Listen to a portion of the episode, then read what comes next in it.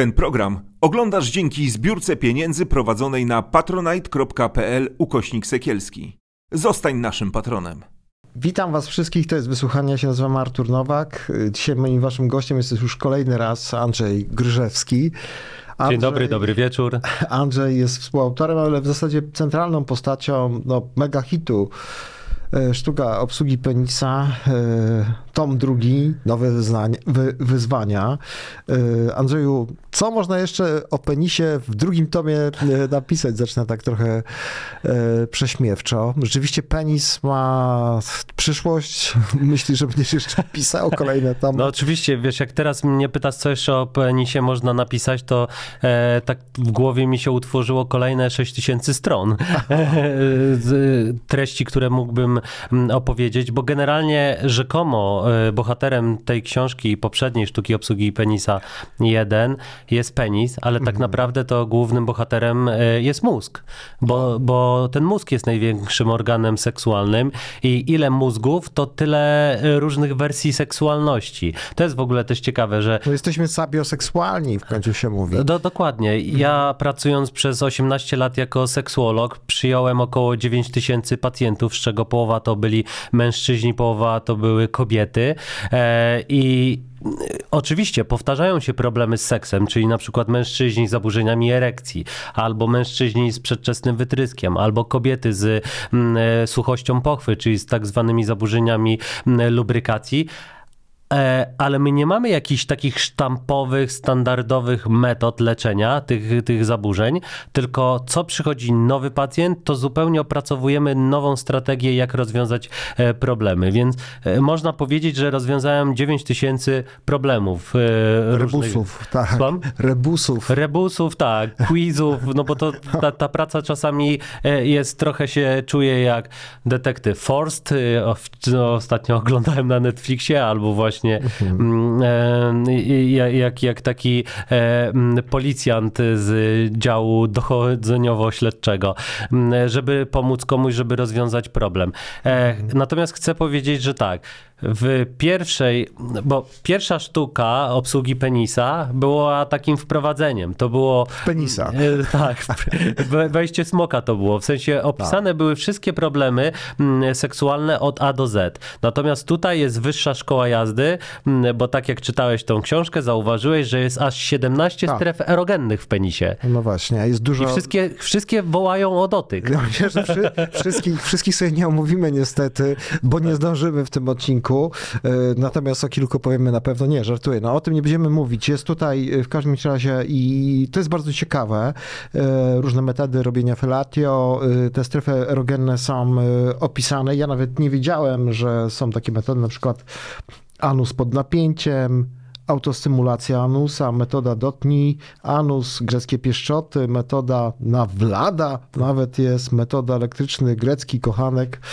Ojejku, jest, jest. Ponad jest... 60 jest tych metod stymulacji penisa i okolic. Tak, zanim e, zanurzymy się w te słowa klucze, które są e, obecne w tej książce, bo ta książka ma swój klucz, bo mówimy o niej humorystycznie, ale też ona jest bardzo poważna i bardzo ważna dla ludzi, e, którzy szukają jakiegoś języka, żeby mówić o seksualności, o penisie, o pozycjach seksualnych, o swoich potrzebach seksualnych. Tego ciągle się uczymy, tak? Mnie oczywiście zaintrygował no, takie zboczenie zawodowe, rozdział poświęcony życiu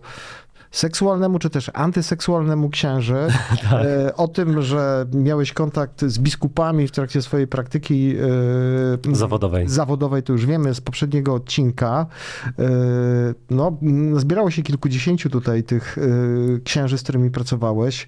Widzę, że jeden z biskupów... No, oni też mają problemy swoje, wiesz, du, du, wielu księży ma Jesteś zaburzenia właśnie, erekcji. Chciałem, tak, chciałem się ciebie spytać, konar nie płonie, mówiłeś, że to jest właśnie tak. ten ten, ten problem, a wcześniejszy wytrys to kelner, który nie... nie, nie... Syndrom młodego kelnera, Młody czyli kelner. zanim doniesie, to rozleje. Rozleje, no właśnie. Ale y, czy i, i, jakiś wspólny mianownik byś tu znalazł, jeśli chodzi o, o tych księży? Zaraz się zanurzymy oczywiście w, w takie bardziej, znaczy to też jest poważny temat, tak, ale tak. czy coś takiego charakterystycznego jest, bo to jest staje się sfera, która w tym zawodzie jest bardzo represjonowana, sfera Mhm, seksualna, tak. nie? No jest źródłem jakiegoś zła, nieczystości e, i tak dalej. To podejrzewam, e, wypowiedz się, że tam musi robić jakąś krzywdę. Mm, Ja mam poczucie, że duży wspólny mianownik jest z tymi mężczyznami, którzy są bardzo konserwatywni. Jest ogromny rozdźwięk między tym, jak oni opowiadają o seksie, na przykład księża swoim wiernym, czy, czy swoim znajomym, e, czy swojej rodzinie, a, a, a zupełnie inaczej jest. em, jak ta seksualność wygląda realnie. E, ta seksualność, o której mi opowiadają, bo d- dla mnie już nie, jakby mi w gabinecie nie mogą opowiedzieć taką wersję oficjalną, deklaratywną, czyli że nic się tam Tak, w seksie tak. nie dzieje, no bo przychodzą po pomoc, więc muszą być szczerzy. I, i, I w tej szczerości się wielu różnych zagadnień dowiaduje.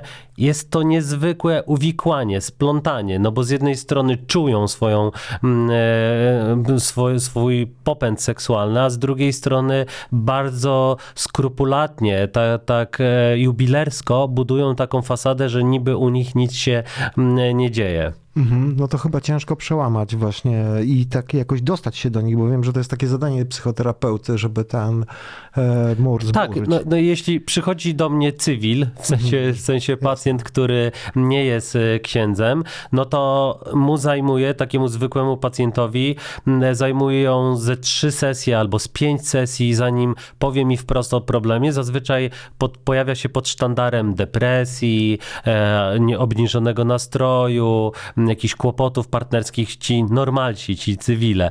A, a ksiądz to zazwyczaj e, dwa razy tyle potrzebuje sesji, żeby powiedzieć wprost o co chodzi, że m, bo jakby finalnie się okazuje, że on ma życie erotyczne, m, że chciałby, żeby to życie erotyczne sprawiało mu przyjemność, e, żeby nie musiał korzystać na przykład z chemseksu, tam, czyli z narkotyków używanych i dopalaczy używanych do seksu, no bo wielu z nich, co się na przykład wydarzyło w Dąbrowie Górniczej, m, wielu księży, którzy chcą uprawiać ten seks, a, a czują to pomieszanie, to takie niezwykłe uwikłanie, splątanie erotyczne, to po to stosują chemseks, yy, właśnie dopalacze, narkotyki, żeby yy, bardziej się uwypukliła ich seksualność, żeby ona była taka bardziej dzika, m, żeby odsunąć na bok poczucie winy, lęk, że się wyda, żal, smutek, że rozczarowują Pana Jezusa. Tak, Aha, że... rozumiem, w ten sposób, żeby Mhm. oddalić się od tego. Piszę teraz książkę, zresztą Plebania się nazywa, o, o takim ukrytym życiu e, księży. Na plebanii? e, no, nie tylko na plebanii, też w pałacach biskupich i muszę ci powiedzieć, że e, rzeczywiście dużo tych historii obyczajowych e, związanych z tym, co się na przykład odbytach księży e, znajduje na jakichś takich nocnych dyżurach, Tak. e, jest bardzo ciekawych. Widzów zapraszam też, jeżeli chcą się podzielić jakimiś historiami do mnie na Instagrama albo na Facebook, ale wracając do klucza twojej książki, bo to jest wiele takich ciekawych e, pojęć, które, które gdzieś tam no pewnie są wypracowane przez jakieś twoje doświadczenie, doświadczenie ludzi, którzy praktykują. Tak. I chciałbym porozmawiać z tobą o altruizmie e, seksualnym, bo dziś e, rzeczywiście e, zastanawiamy się właśnie e, nad tym. Często jest tak, że mężczyźni mają taką potrzebę, e, żeby czuć się spełnionym w, mm, w relacji seksualnej, żeby zaspokoić e, swoją partnerkę, partnera. To jest dla nich taki e, priorytet, ale ty mówisz też o, o, o, o, o plusach, o minusach tego, o tym, Tak. że jak, jak, to, jak to działa. Powiedz kilka słów, Andrzeju, o tym, bo myślę, że to jest duży problem. No myślę, że ten rozdział ci się mm, spodobał ze względu na to, że często mówisz tutaj w wysłuchaniu o, o życiu duchowym mm, e, i księży, i, i normalców, że tak powiem. I rzeczywiście to, to życie seksualne, to życie duchowe trochę przesiąkło do seksualności. Polega to na tym, że wielu mężczyzn myśli, że partnerka będzie usatysfakcjonowana wtedy, kiedy mężczyzna w 100% się poświęci kobiecie, czyli wtedy, kiedy Tego on... podnieca też trochę. Ta, tak, na głowę go to podnieca. Natomiast Tak. właśnie trzeba, kluczem jest zrozumienie takiej żelaznej zasady, że na głowę go to bardzo podnieca, ale ci- ciała to za bardzo nie podnieca. Bo sytuacja jest taka, że mężczyzna idzie do łóżka z kobietą i myśli sobie, kurczę, jak ja ją zaspokoję pocałunkami, pieszczotami, seksem oralnym, m, różną akrobatyką seksualną, różnymi pozycjami, i, i 100% uwagi jej poświęcę, no to ona będzie latała pod sufitem i zwrotnie mi też da coś ekstra. Tak. Natomiast z- często jest tak, że kobieta już jak doświadczy satysfakcji orgazmu, to jest jej bardzo przyjemnie, że partner się narobił, że, że Tak. m, poświęcił się, ale jest tak wypompowana tym, co się działo, a działo się na przykład przy tych altruistach seksualnych nie kilka minut, tak jak u normalnych mm, ludzi, że trzy minuty razem z prysznicem, tylko właśnie altruiści dbają o to, żeby minimum kilkanaście minut y, trwał ten seks, albo kilkadziesiąt minut w różnych pozycjach, Mm, więc kobieta czuje się wymęczona po osiągnięciu orgazmu, no i chce sobie po prostu odpocząć. I często jest tak, że tak, na przykład zasnąć, albo przytulić się, albo obejrzeć Netflixa, Mecz jakiś włączyć sobie. tak, żeby mężczyzna przyniósł popcorn i tak dalej. Natomiast na tego mężczyznę często już nie starcza czasu, e, nie starcza aktywności, jakby u, uwagi, mm, więc e, na krótką metę altruizm seksualny jest bardzo fajny, bo kobieta się czuje niezwykle dopieszczona, za, zadbana. E, natomiast na długą, na dłuższą metę temu mężczyźnie jest przyjemnie, że i dowiózł taki Zaspokoi- wysoki tak, standard, tak, że jest wytrawnym kochankiem, że to była wyższa szkoła jazdy ten seks. Że na osiedlu wszyscy Tak. mówią, nie no ten, tylko ten. No, Tak. Natomiast, natomiast e, Mhm. jak jego ciało nie jest dotykane, stymulowane, pieszczone, no to on e, e, ta, ta, nie pojawi się to podniecenie, nie pojawi się mm, e, sztywność penisa, nie zaktywizują się te strefy erogenne z samego pa- ale patrzenia. Ale z czego to wynika? Czy mamy taką naturę właśnie ludzi, ty- tych al- altruistów w seksie? Bo widzę tutaj podwójne dno. No niby jest ten altruizm, ale z drugiej strony no, czujesz się takim no, stuprocentowym samcem, tak? Generalnie, który e, zaspokoił. I co chcesz przez to powiedzieć? Że my nie potrafimy skupić się na sobie, na swojej przyjemności? Mówię o, o mężczyznach. Nie, nie, wiesz co, pokolenie e, naszych ojców i naszych dziadków trochę inaczej uprawiało ten seks. Ten seks był bardzo dziś skierowany na przyjemność mężczyzny, czyli oni Aha. przychodzili na przykład do domu wieczorem albo rano się budzili i brali tą kobietę jak swoją, e, robili co chcieli. E, do, dochodzili sami do orgazmu, do wytrysku, mieli dalej, już ich nie interesowało. Tak. Dokładnie. Czy, czy ona była zadowolona, czy nie, to już dla nich było, miało drugorzędne albo e, nawet niżej e, znaczenie. Natomiast e, jak pojawiła się ta re, rewolucja, e, emancypacja tak. kobiet, e, kobiety walczyły o swoje Zaczęły prawa. opowiadać też o swoich potrzebach. Do, dokładnie. I czy, y, też zaczęły być coraz bardziej świadome i super, i to jest fajne, bo zaczęły właśnie czytać książki taka jak, te, takie jak ta moja i inne moje, czy czytały profesora Starowicza, który bardzo duży nacisk kładł na, na partnerstwo, e, zaczęły słuchać podcastów o seksie, e, w prasie kolorowej dużo czytały też o seksie, więc one sobie uświadomiły, jakie są ich prawa seksualne, że mają prawo w związku się domagać przyjemności. Zresztą też w seksuologii e, przeczytały, w książkach dotycz- dotyczących seksu przeczytały, że zasada m, w seksie z kobietą e, jest taka, że jej orgazm pierwszy, czyli że to, żeby mężczyzna na początku dowiózł orgazm kobiecie, a później zadbał o swój, bo mężczyźni, wielu z- mężczyzn nie jest multiorgazmicznych. Wielu mężczyzn ma tak, że po jednym orgazmie już się wyłącza ich e, Tak. aktywność seksualna, a natomiast w drugą stronę wiele tydzień. kobiet jest tak, a wiele kobiet jest multiorgazmicznych, więc nawet jak kobieta pierwsza dojdzie do orgazmu, to później i tak ma ochotę na seks y, znowu. Więc Innymi słowy, e, e, kobiety zadbały e, o to, żeby też nauczać tych mężczyzn, jakie mają strefy erogenne, czego potrzebują, i wtedy się dokonała ta zmiana. Ja widzę, że ta zmiana się dokonała w ostatnich 20 latach, w ostatnich kilkunastu latach, że przybyła ogromna populacja mężczyzn z tym altruizmem seksualnym, i na początku to było coś niesamowitego, bo wreszcie te kobiety zostały dopieszczone, ale efekt uboczny był taki, że Poszło Co- to w drugą stronę. tak, coraz więcej mężczyzn do, do, przychodzili e, mężczyźni do nas, do seksuologów, psychoterapeutów i opowiadali, że nie wiedzą, dlaczego się nie chcą kochać. A, e, a jak analizujemy tą historię, to się okazuje, że właśnie jak mężczyzna da przyjemność kobiecie, a później nie zostaje czasu i energii, żeby jego strefy erogenne były stymulowane, żeby on doświadczył orgazmu, to na dłuższą metę on sobie myśli, no nie no, to chrzanie taki obowiązek. Ja się urobię po łokcie, a ja tak tak realnie to jest, tego nic nie mam. Na głowę miło mi, że partnerka ma ten orgazm, ale kto, gdzie ja w tym wszystkim jestem? No tak, może powstaną, tak sobie myślę, jakieś, bo jeszcze tego nie mamy, filmy na ten temat, jakieś, które będą pokazywały właśnie ten problem, bo z drugiej strony ty piszesz o y, męskiej samotności w problemach, Tak, tak. Tych, y, erotycznych, No, no. związkowych, w relacjach w ogóle. Wiesz to co? jest duży temat wynikający, no właśnie z takiego jakiegoś trochę archetypu męskiego, wyobrażenia o mężczyznach, e, nie, które nas bardzo pokaleczyło. Dokładnie.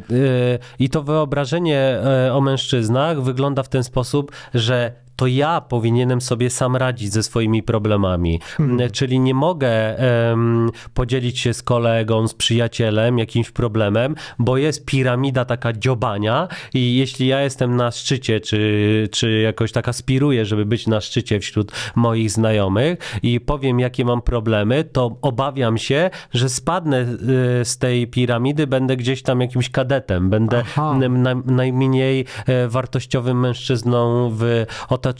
Często tak się nie dzieje, bo paradoksalnie... ale to też tak jest, bo powiem ci, wejdę ci w słowo, cię przepraszam Andrzeju, że często tak jest, że kobiety potrafią dzielić się tymi y, problemami, Tak. i przytulać się, robić sobie prezenty, troszczyć się o siebie, a mężczyzna, jak już do mężczyzny często zadzwoni, e, ten mu powie o swoich problemach, tego wysłucha, dzwoni do jakiegoś następnego kumpla i mówi, ty, słuchaj, zobacz, coś tam się u niego znowu dzieje, nie? No, no. E, Też y, no, jest taka różnica w nas po prostu, jeśli chodzi o, o to, o czym mówisz, że my tego nie potrafimy, co kobiety, tak zatroszczyć się o siebie, pilnować siebie, ciągnąć się. Często jest tak, że właśnie konkurujemy między sobą i mówimy, a ten znowu się wpierniczył w jakiś problem, e, w, w, w, jakiś taki kłopot, jest to tam jego wina tylko i wyłącznie. No, no i właśnie to jest przykre, że my jeszcze nie potrafimy obsługiwać takich Mhm. wspólnot męskich. E, Wiesz, na przykład e, mój e, znajomy z branży, Jacek Masłowski, którego serdecznie pozdrawiam, napisał na przykład książkę Czasem czuły, czasem barbarzyńca. Agora też to wydała Tak. książka. I on e,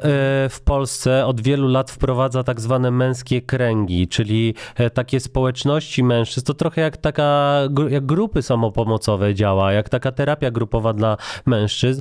I z dużym trudem przebijają się te męskie kręgi, bo jakby wielu mężczyzn, jak czyta o tej koncepcji, że można się spotkać w kilku w ośmiu czy w kilkunastu facetów i pogadać o swoich problemach, to sobie myśli, że to jest jakieś takie e, ukryte gay party, że o co w ogóle chodzi, nie? Że, że, że, że to, to, to A jest dla... byliśmy na kilku takich gay No, party.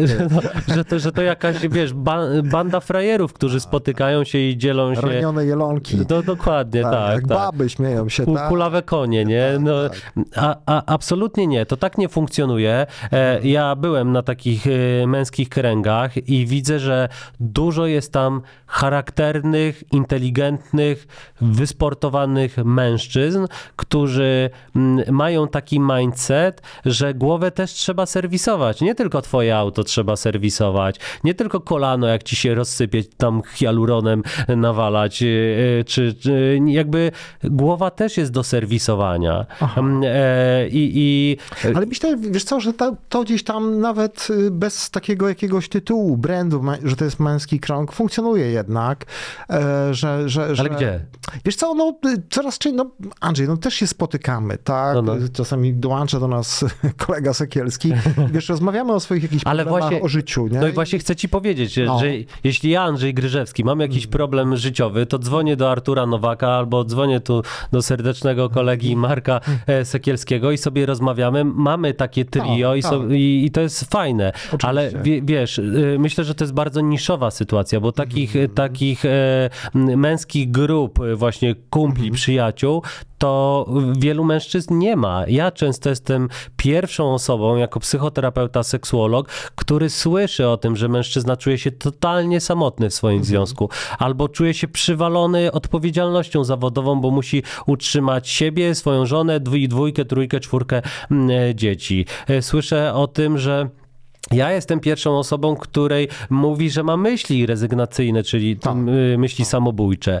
E, To jest przykre, dlatego że my, ludzie, żebyśmy fajnie funkcjonowali, potrzebujemy całej wioski ludzi. E, bo, bo ty się specjalizujesz, jeśli słuchasz swojego przyjaciela w czymś innym, Marek się w czymś innym specjalizuje, ty więcej na, na przykład dasz e, porad takich emocjonalnych, Marek da więcej porad funkcjonalnych na przykład i wiesz, u, łatwiej o, zarządzić jakimś problemem, który, który mamy. To jest niszowa sytuacja i ja zachęcam mężczyzn, żeby otwierali się na innych mężczyzn. Gwarantuję panowie, że nie stracicie, a zyskacie. Tak, to prawda. Znaczy ja sobie myślę, że w takim ostatecznym rozrachunku e, najwięcej radości w życiu mi dało to, że, że, że mogłem tak autentycznie poczuć taką wspólnotę, nie? Takiej po prostu rozmowy. Znaczy w ogóle... A wiesz też- dlaczego? No, Badania naukowe pokazują, że my ludzie, e, wy, wydziela nam się dopamina i oksytocyna, jak się widzimy z innymi ludźmi. To jest taki mechanizm, który dostaliśmy od matki natury,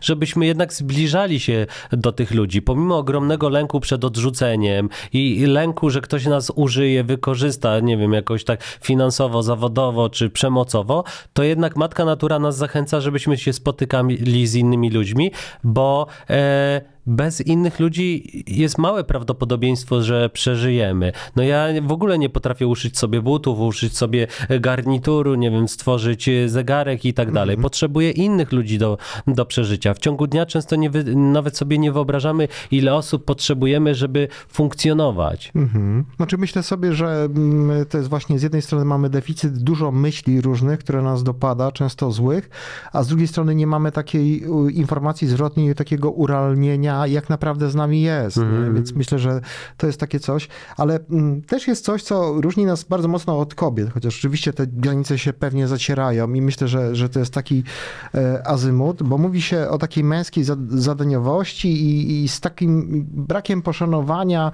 mówi się z kolei o emocjonalności kobiet. Ty, mm, to jest u ciebie ten segment wielkiego e, pojęcia penisocentryzmu, tak? Chciałbym, żebyś opowiedział kilku, kilka zdań na ten temat, e, no bo to jest też taki kolosalny problem, e, który no też gdzieś jest charakterystyczny dla nas, a z drugiej strony jakby się racjonalnie nad tym e, zastanowić, robi nam sporo krzywdy. Tak.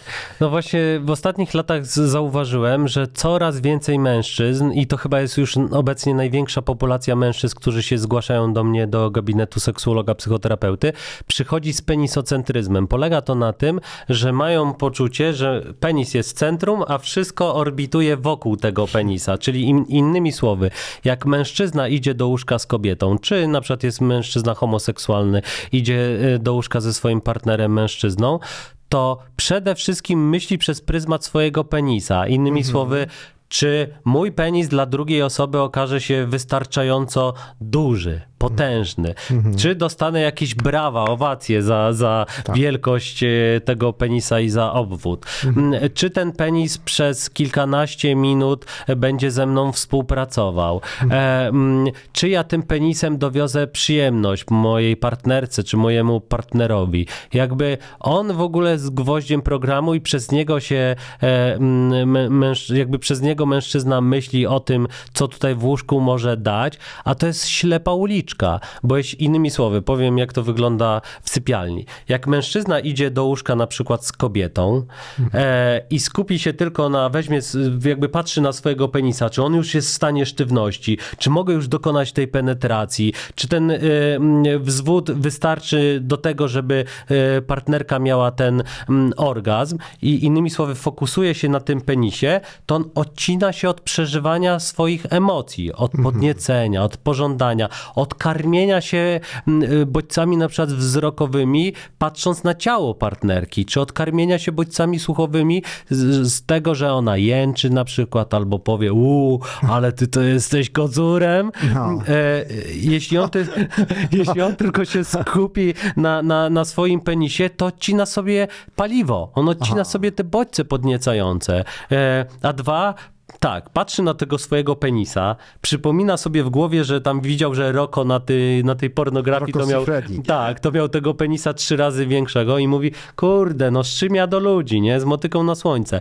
Mm, E, i, I od razu się podłamuje, zaczyna w, w lęki, czuć ogromny lęk, wstyd, zażenowanie, że jego penis nie jest Trzeba taki... brać jakieś środki też. Tak, i jakby d- wielu mężczyzn teraz zupełnie nie mają powodów takich organicznych, czyli nie mają problemu z układem krwionośnym, krwionośnym, e, z przepustowością tętnic, a biorą te, te, te środki na zaburzenia erekcji. E, teraz no, od trzech lat na szczęście już są leki bez recepty na, na zaburzenia erekcji i biorą po prostu, ładują w siebie mm, tą farmakologię, e, ale nie dlatego, że mają takie rzetelne przyczyny, które jakby lekarz powinien zaordynować te leki, tylko oni biorą, bo im się wydaje, że, że wtedy będą mieli jakiś talizman.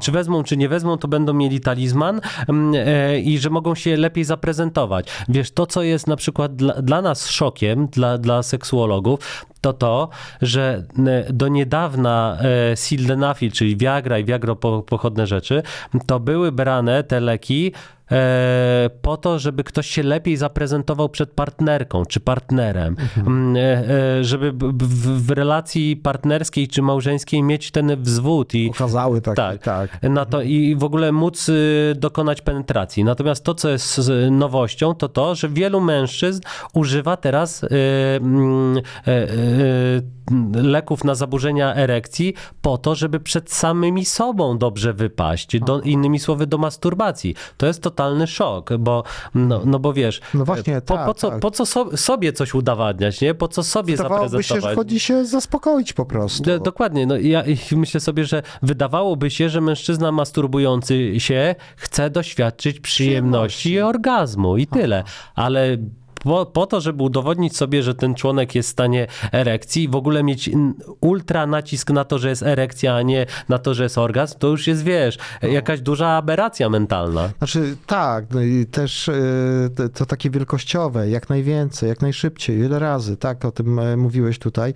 Z książki Andrzeja dowiedziałem się, że średnia długość penisa w zwodzie, e, jeśli chodzi o Polskę, to jest 14 cm i 29 mm, że mierzy się e, w ten sposób, że przyciska się miarkę do wzgórka łonowego. Tak, tak. Widzisz, nie wiedziałem. No bo niektórzy to wiesz, y, tutaj sobie na końcu kręgosłupa przy miarkę i tak ciągną po kręgosłupie, nie? Że może sobie centymetrów dodadzą, nie? No i Kongo, najbardziej okazałe penisy, prawie 18 cm, Sudan. Kongo, tak. A, Kongo, na samym Sudan. końcu Korea Południowa, Indy, Indie, Chiny, tam y, poniżej 10 e, centymetra już. E, Andrzeju, jest, e, m, no wieszczy się, że mm, ten seks będzie się cybernetyzował. To znaczy w tym Tak. sensie, że wejdziemy sobie do tej strefy online. Tak. My mieliśmy już, yy, jakiś Robert Kowalczyk był u mnie gościem, on mówił mi, że w w Japonii są jakieś, czy tam w Azji jakieś takie płaszcze z takimi stymulatorami, że jesteśmy w jakiejś przestrzeni jak w Matrixie z takimi okularami, że widzimy Mhm, swoją partnerkę tak. i tak dalej, ale e, coraz bardziej popularny jest ten seks na kamerkach, tak? Tak. No to jest proste, podłączam się pod sieć i już jestem, tak? Mhm. E, Mogę sobie wybrać e, z jakiegoś takiego menu, e, co mnie interesuje, e, no stworzyć sobie w zasadzie swoją e, m, jak gdyby wizualizację tego, co, preferencję tego, co bym chciał Tak. zobaczyć. Myślisz, że to się będzie dynamizowało, że to O- się będzie rozwijało? Oczywiście. Bardzo pandemia przyspieszyła ten proces e, ze względu na to, że No deficyt w realu był spoko, Tak, deficyt w realu, e, deficyt w realu seksu płatnego, bo dużo Mhm. osób chodziło na seks płatny. Mm, e, Du, jakby zamknięte były restauracje, nie można było mm, chodzić na randki do restauracji, do kina, do teatru, mm, nawet na spacery. Policja dawała duże mandaty za, za mm, chodzenie, jakby załamanie zasad pandemii, więc y, wiele osób przerzuciło się do pornografii i wiele osób przerzuciło się, które chciały mieć jakąś interakcję z drugim człowiekiem, na kamerki. E, I niestety wiele osób zostało na tych kamerkach, bo mm, e, mózg jest zbudowany w ten sposób, żeby jak najbardziej ekonomicznie podchodzić do życia. Więc wielu pacjentów w gabinecie mi mówi, proszę pana, jeśli ja mam ubrać się, umyć zęby, wziąć prysznic, pu- pójść na jakąś randkę, Wydać na kolację. Wydam na kolację, Na pójdę do hotel. kina, e, e, później pójdę do hotelu, znowu To płacę, albo do domu. 500 zł. No dokładnie. 500 zł, 500 albo więcej, 2900. Tak. E, Dużo się płaci, ale nie, nie, nie, nie ma prawdopodobieństwa, że skończy się to na przykład seksem. Tak. I tak, e, jeść się 5 godzin na takiej randce łącznie, mm, a jeszcze za Ubera trzeba zapłacić, prawda? W jedną, prawda, drugą. No to tak w ogóle jest. już, wiesz, rachunki. robią się duże, e, a prawdopodobieństwo nie jest stuprocentowe, No. e, a na kamerce jest, Tak. bo wchodzisz, w ciągu kilkudziesięciu sekund się odpalasz laptopa, czy właśnie na przykład smartfona, e, wchodzisz, płacisz, nie wiem, kilkanaście złotych za pokaz i już po prostu tam taka kobieta, jaka cię interesuje, czy taki facet, jaki cię interesuje, to tam spotkasz taką osobę, bo tych osób jest kilkaset na, na tych różnych serwisach kamerkowych. Nie będę im robił e, reklamy, ale jest ich dużo i po prostu mają ogromne rzesze em, użytkowników. To jest niesamowity rynek, tak. I rzeczywiście jest to bardzo proste i e, tak się zastanawiam, bo e, rośnie chyba e, liczba zachowań takich autoseksualnych też, Tak. Nie? E, dzięki temu i przez to, nie? To może być jakaś taka przyszłość. E, No, natomiast wiesz, y, ja mam też y, z drugiej strony pacjentów, w sensie nie tylko tych, którzy są użytkownikami, ale też tych, którzy są, y, że tak powiem, nadawcami takiej Poznałem pornografii. takie osoby, wiesz, Mhm. i to są osoby, które mm, zarabiają po prostu na tym. Nawet Tak. nie dorabiają, ale zarabiają na Tak, tym. tak, to tak. Niesamowite. Myślisz, że to robi im jakąś krzywdę? Powiedz kilka słów na ten temat. Nie znam całej. Przepraszam. Mhm. Nie znam całej populacji, ale ta populacja, która do mnie przychodzi, to ona przychodzi do mnie z problemami, bo na przykład okazuje się, że osoba, która świadczyła te usługi erotyczne na kamerkach przez rok, przez dwa, mm, to przyzwyczaiła się do takiej seksualności na akord, czyli że dostaje przelew i zaczyna się rozbierać przed kamerką, masturbować. E, I jak taka osoba stwierdza po jakimś czasie, że już nie chce tego robić i zmienia zawód, albo poznaje jakiegoś partnera czy partnerkę, która mm, ma duże środki finansowe i, i dzięki temu nie, nie musi ta mm, osoba z kamerek pracować już, e, to przez pierwsze kilka tygodni, miesięcy jest ta seksualność w związku, a później się okazuje, że ona się wyłącza. I wyłącza się dlatego, że tak, nie ma tego dreszczyku nowości, bo co kolejny mm, klient na tych kamerkach. Coś nowego Tak, jest, to jest nowe, nowe komendy, nowe rozkazy, Mhm. y, nowe twarze, nowe ciała. Y, A trzeba pamiętać, że każdy orgazm to jest taka pieczęć, która nam przybija stan aktualny. Czyli Mhm. jeśli ktoś na kamerkach się masturbuje i cały czas dochodzą nowe osoby, nowi klienci, to przyzwyczaja się do takiego bodźcowania cały czas nowe, nowymi bodźcami. A jak jesteśmy w związku, to bez względu na to, jak ta osoba e, z pary by się ubrała, e, nie wiem, w jakąś erotyczną bieliznę, czy nie wiem, czy byłaby po spa, skóra byłaby niesamowicie gładka i pięknie by pachniała, to zawsze tych bodźców będzie kilkanaście, maksymalnie kilkadziesiąt, dwadzieścia parę na przykład. A tam na kamerkach w ciągu dnia to osoba, która by była pracownikiem e, te, te, takich kamerek, e, to cały czas była bodźcowana e, kilkuset bodźcami. Cały, ca, cały czas był dopływ nowych bodźców. I te osoby przychodzą do mnie, bo mówią, że nie są w stanie uprawiać seksu w związku. Praca na kamerkach też powoduje, że, że człowiek świadczy usługi osobom, które nie do końca się nam podobają estetycznie, No właśnie. e, które nie, jakby nie podoba nam się często też to, co te osoby, ci klienci tak. piszą, jak krytykują i tak dalej. Więc żeby wytrwać w pracy na kamerce, trzeba włączyć taką dysocjację, czyli oddzielenie się od życia wewnętrznego. I te osoby, ja, ja widzę, ja wyp- wypowiadam się tylko za to, co doświadczyłem w gabinecie. jasne. I moi pacjenci, którzy pracowali na kamerkach i przychodzą do mnie z problemami, mówią, że mają włączoną taką dysocjację, czyli takie oddzielenie od życia wewnętrznego. One mm, bardzo mało czują smutku, czy żalu, czy złości, bo po prostu włożyły ogrom e, czasu i energii, żeby oddzielić się od życia wewnętrznego, od wszystkich swoich emocji, od swoich potrzeb. I to jest ogromny problem tych osób, które pracowały na kamerkach, że, on, że one później tak wewnątrz są takie wyblakłe. To jest taki efekt szarzejącej skały, że ta osoba coraz bardziej jest odcięta mm, od swojego życia uczuciowego. I to jest duży dramat, bo jeśli jesteś odcięty od smutku, od żalu, od złości, od gniewu, to też jesteś odcięty od pozytywnych e, emocji, od podniecenia, pożądania, radości, ekscytacji. Andrzej, dużo się dowiedziałem z twojej książki, ale mm, myślę, że, że no, na razie jestem wybrańcem. Myślę, że wszyscy sięgną po tą książkę. Powiedz, co to jest dick pic i po co mężczyźni to robią? No właśnie, to jest y, ciekawe zagadnienie i coraz więcej mężczyzn to robi. Mm, Mianowicie wysyłają e, swojego penisa różnym osobom, mniej lub bardziej przypadkowym. No. Mm, E, I ten proceder jest albo na przykład wtedy, kiedy ktoś jest po spożyciu alkoholu, czyli jest na przykład e, piątek. Mówi, a, sfotografuję sobie kutasa, tak, i wyślę gdzieś tam. Tak, je, jest piątek 22 czy 3, e, e, ktoś spożył alkoholu, odpala się mu popęd seksualny i mówi, no kurde, pobzykałbym się, no ale z kim? Jak to zrobić teraz, żeby, żeby kogoś zachęcić? To proste. Zrobię zdjęcia swojemu penisowi i tak po, powrzucam do tych kobiet, z którymi mm, miałem kiedyś relacje erotyczne. Mm, Powysyłam właśnie MMS-ami albo na, nie wiem, e, na Whatsappie czy na Instagramie, na, na Messengerze. Albo y, jak więcej jeszcze spożyję tego alkoholu czy jakichś innych używek, to powysyłam do tych osób, z którymi coś jest na rzeczy, jest jakiś flirt, ale jeszcze nie spałem. Ale No, to jest trochę, trochę kawałek tej historii tego o tym penisocentryzmie, bo ci powiem, że rzeczywiście ja... Mm, Dostajesz te dickpiki. nie, ja, nie, nie, ja prowadzę, tak, w jakimś sensie tak, bo wiesz, no jestem adwokatem, tak, prowadzę sporo spraw rozwodowych i powiem Tak. ci, że w co czwartej sprawie, no to, czy na piątej widzę jakiegoś penisa, tak, czy tam jakieś nagranie i, i, i tak dalej. I rzeczywiście jest tak, jak mówisz, że no kobiety tego nie robią, tak, robią e, to faceci. To jest kawałek tej historii o tym penisocentryzmie, że Tak. to jest taki główny nasz znak rozpoznawczy, tak, to na co, e, że tak powiem, e, ch- chcemy być podziwiani, na co mają nas brać e, i tak dalej. No strasznie to jest naiwne, nie? Tak. No, jak ja pytam w, w gabinecie moich pacjentów, dlaczego to robią, no to oni y, mają poczucie, że wysyłając do jakiejś kobiety, z którą na przykład spali, to jest takie erotyczne dzień dobry.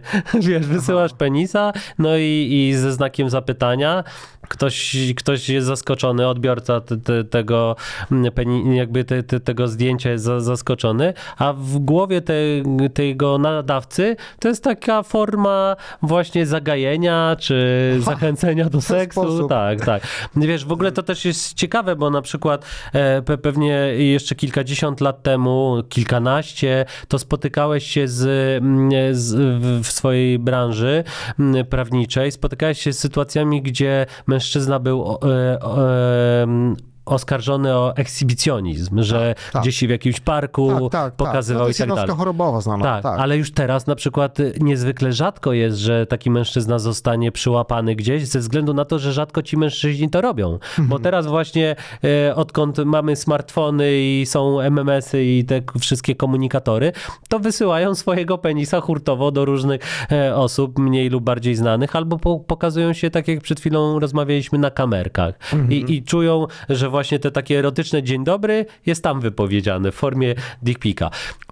Natomiast dla, dla niektórych to też jest właśnie forma pokazania e, władzy, że, że to jest mój teren i ja go tak obsikuję, w sensie taki instynkt terytorialny, wysyłam penisa do, do, do kobiet, które chciałbym zdobyć albo które uważam za zdobyte. Aha.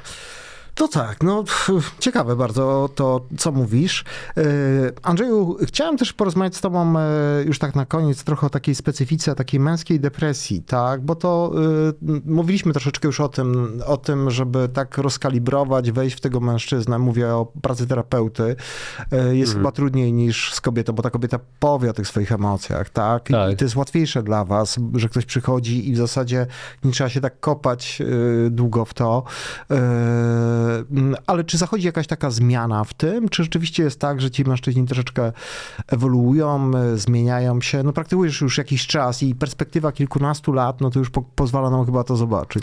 Coraz częściej mężczyźni zgłaszają się z mm, depresją, natomiast widzę mm, taką ogromną cały czas populację tych mężczyzn, którzy walczą z depresją, walczą, Sami, rzekomo walczą, sami. al, albo sami, albo to, co Marek Sykielski często mówi, za pomocą alkoholu, narkotyków, dopalaczy, mm, bo, bo po prostu e, dla nich walka polega na tym, że trzeba mierzyć się z skutkami ubocznymi depresji, czyli jak mam słaby nastrój, to muszę sobie coś dowalić, jakąś używkę, żeby mieć lepszy nastrój, żeby zbombardować swój mózg dopaminą. A to nie jest walka z depresją. Walka z depresją to jest y, oprócz na przykład farmakoterapii, która stabilizuje stabilizuje nastrój, e, jest wychwyt zwrotny serotoniny, ale przede wszystkim walka z depresją polega na tym, że bierzesz na warsztat swoje myśli, bo tam w depresji jest tak zwana triada depresyjna, czyli po pierwsze negatywnie myślisz o, o sobie,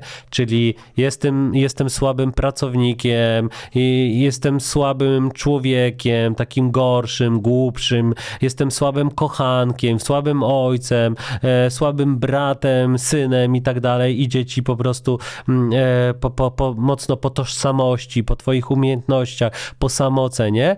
Mm, I to jest jeden filar depresji. Drugi filar depresji to jest mm, e, myślenie negatywnie o ludziach. Ludzie chcą mnie wykorzystać, chcą mnie użyć, mają mnie za idiotę i tak dalej. A trzeci filar to jest postrzeganie rzeczywistości, jakby przyszłości, że nic mnie dobrego nie czeka. Będę coraz gorzej wiódł to swoje życie. Zaraz mnie wywalą z pracy, przyjdzie komornik, e, e, będę miał problemy z prawem, e, nigdy nie spotkam jakiejś kobiety, która by się we mnie zakochała. Tak. E, I trzeba z tymi trzema filarami depresji walczyć właśnie za pomocą psychoterapii. Teraz jest genialna sprawa, bo jak się wchodzi na przykład do Empiku na, na dział samorozwoju, czy właśnie takiego zdrowia psychicznego, to co trzecia książka już jest o depresji. I super, warto to czytać, żeby edy- edytować te szlaki neuronalne w mózgu. Pacjenci mówią, ale wie pan co, to, to, to jest troszkę głupie, bo tak, ja przyjdę do pana, wydam pieniądze i co, my sobie będziemy rozmawiać i, i mi się poprawi nastrój, co mi pan powie, że jestem, nie wiem, przystojny, czy wysoki, czy kurde, że, że mam fajne Tak, Andrzej, wdzianko. Andrzej tak mówi. Ja tylko to mówię. Jak już są takie ciężkie przypadki, to chociaż w ten sposób. Prawda jest taka, że ja za pomocą różnych technik psychoterapii poznawczo-behawioralnej, e, terapii schematów, pracuję nad tym, jakie ktoś ma em, schematy myślowe, jakie ktoś ma przekonania o sobie, o świecie, o ludziach e, i dzięki temu zmieniamy szlaki neuronalne w mózgu i zmienia się w ogóle cała architektura mózgu. Chodzi ci o te takie nawyki myślowe też. na, na, tak, nawyki myślowe, przekonania myślowe i wiecie co, to, to jest w ogóle też y, niesamowicie ciekawe. Jeśli y, dzisiaj ktoś by mm, y, zrobił sobie rezonans magnetyczny mózgu e, i od jutra zacząłby terapię, to po roku terapii ten mózg by zupełnie inaczej wyglądał. Jakby psychoterapia wpływa na biologię tego mózgu, na to jak on jest skonstruowany. Niesamowita sprawa. Tak, ja to sam wiem po sobie, bo jestem bywalcem terapii i zauważyłem, że nawet takie proste ćwiczenia związane z tym, jak się przybudzisz i tak się zresetujesz, bo, mm, bo miałem kiedyś w nawyku takiego myślenia, że dużo dzisiaj jest do zrobienia, pewnie nie podołam, coś tam e, trzeba nadrobić, bo coś zawaliłem, a jeszcze tutaj jestem zobowiązany, nie chcę mi się wstawać i w ogóle, żeby to zastąpić takim myśleniem, że no wszystko ode mnie zależy, wszystko się uda. E, Jeżeli nie wszystko, no to jakaś taka znacząca część e, bardzo ten dobrostan poprawi. Niektórzy mówią, że wystarczy już tak mm, 40 takich poranków, żeby to się powoli nam zmieniało. Warto to e, praktykować. E, Andrzeju, na koniec chciałbym cię jeszcze spytać o mm, o coś, y, co chyba jednak dość mocno się zmienia. No bo żyliśmy przez jakiś czas, no przez długi czas, przez dekady, wieki w takim społeczeństwie skatechizowanym, e, gdzie ta seksualność była gdzieś, no, no ona była obecna zawsze, tak? Bo to jest nasza podstawowa Ale potrzeba. represjonowana była, Ale tak. bardzo represjonowana. E, czy ty myślisz, że e, ten boom jeszcze na tą seksualność y, przyjdzie? No, stawia się pod znakiem zapytania coraz y, częściej w różnych no, artykułach, y, ale też w dziełach jakichś literackich, w serialach y, sprawę monogami, tak, na przykład, czy, czy to jest dobry pomysł, nie? Y, Tworzą się związki, które się otwierają, jeśli chodzi o życie seksualne na jakiegoś dodatkowego partnera, albo na przykład, że ludzie sobie żyją w takich związkach równoległych, ale pytam cię o zjawisko takie bardziej po prostu ogólne, o to, czy, czy, czy, czy, czy ten szczyt, y, mm, jak gdyby zainteresowania się seksualnością, spytam już to wprost w naszym społeczeństwie, e, to już mamy za sobą, czy dopiero zbliżamy się do tego e, momentu ku grozie wszystkich naszych hierarchów kościelnych i ludzi e, takich reakcyjnych? Wiesz co, odpowiem ci jak typowy psychoterapeuta i se- i seksuolog i tak i nie. O. W sensie, ja mam poczucie takie, że Wszystko już było. Mam poczucie takie, że jeśli y, Kościół odpuści y, trzymanie ręki na tej seksualności i ona będzie odbarczona od tego wstydu, lęku, y, wyrzutów sumienia, to wtedy więcej osób będzie się cieszyło takim seksem radosnym, swobodnym, bezpiecznym, przyjemnym i, i sporo osób zacznie go częściej praktykować. I, i, i, natomiast na pewno nie będzie tak, że ten seks będzie uprawiany, nie wiem, pod pałacem kultury, mm, e, Pod palmą. pod palmą, tak. Po, po prostu ludzie będą częściej praktykowali, ale w swoich e, sypialniach e, albo gdzieś tam na wydmach e, mm, e, nad Bałtykiem.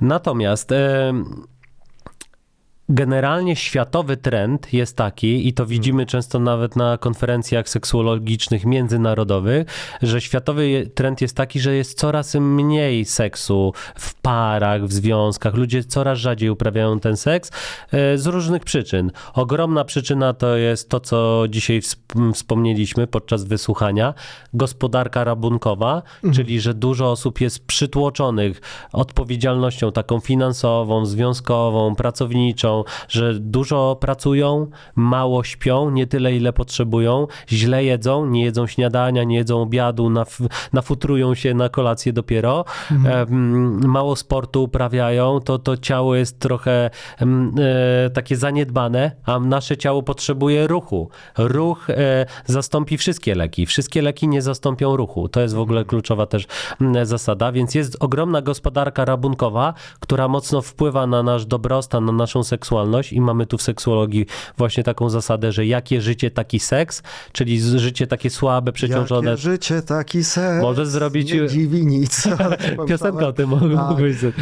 Mm, e, I i to jest jedna rzecz, ale druga rzecz jest taka, że im więcej jest rozrywek, e, różnych rozrywek, właśnie tych streamingowni różnych, Netflix, HBO, e, Prime, Amazon i tak dalej, ale też innych rozrywek, które możesz kupić na mieście, to tym mniejszy nacisk jest na seksualność. W sensie, A. że ta seksualność jest wtedy jedną z 30 rozrywek. Nie jest ona poza konkursem i 29 innych rozrywek, tylko ona wchodzi w, w te wszystkie 30 z- rozrywek i niektórzy, o, nawet są takie dowcipy. Budzi się rano Grażyna i mu, tak się rozciąga i mówi, kurde Janusz, ale bym się pokochała. A Janusz, no to dobra, zaciera ręce, to jedźmy. A ona mówi, spokojnie, rozchodzę.